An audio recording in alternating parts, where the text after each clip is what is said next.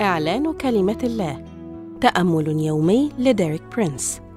22 فبراير. أرض المعركة. هذا الأسبوع يشرح لنا ديريك برينس كيف أن دم يسوع أبطل شكايات وادعاءات إبليس على حياة المؤمن. واليوم يوضح لنا مسؤوليتنا كخدام الله في أن نهدم الحصون التي بناها إبليس في أذهان البشر.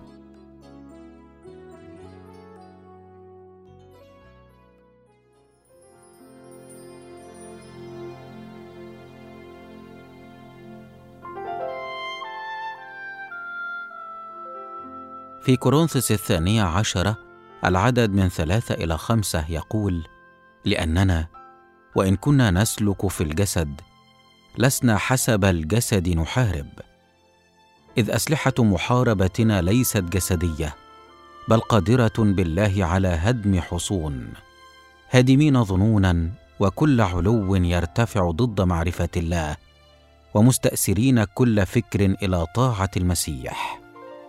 تدور حربنا ضد الشيطان في الواقع الروحي. ومن ثم أسلحتنا هي أسلحة روحية لتتناسب مع الواقع الذي تدور فيه المعركة. من الأهمية البالغة أن ندرك المكان الذي تدور فيه المعركة. ولكي يشرح الرسول بولس هذا الأمر يستخدم في رسالة كورنثس الثانية كلمات مختلفة مثل ظنون استدلالات معرفة جدل فكر. لاحظ أن كل كلمة من هذه الكلمات تشير إلى مجال الذهن ويفهم من ذلك أن ذهن المؤمن هو ساحة المعركة. يشن إبليس حربا ضخمة لكي يأسر أذهان الجنس البشري فهو يبني فيها الحصون والظنون ويستخدم في ذلك اسلوبا منظما ومنهجيا.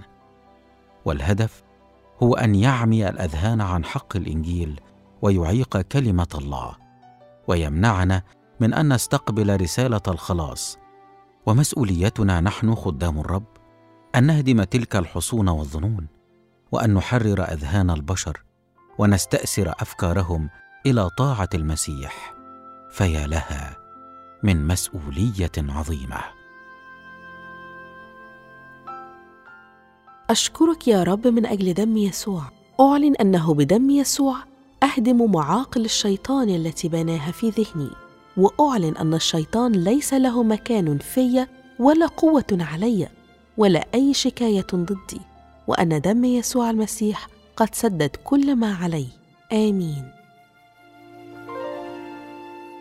للمزيد من الكتب والعظات لديريك برينس قم بزيارة موقعنا www.dpmarabic.com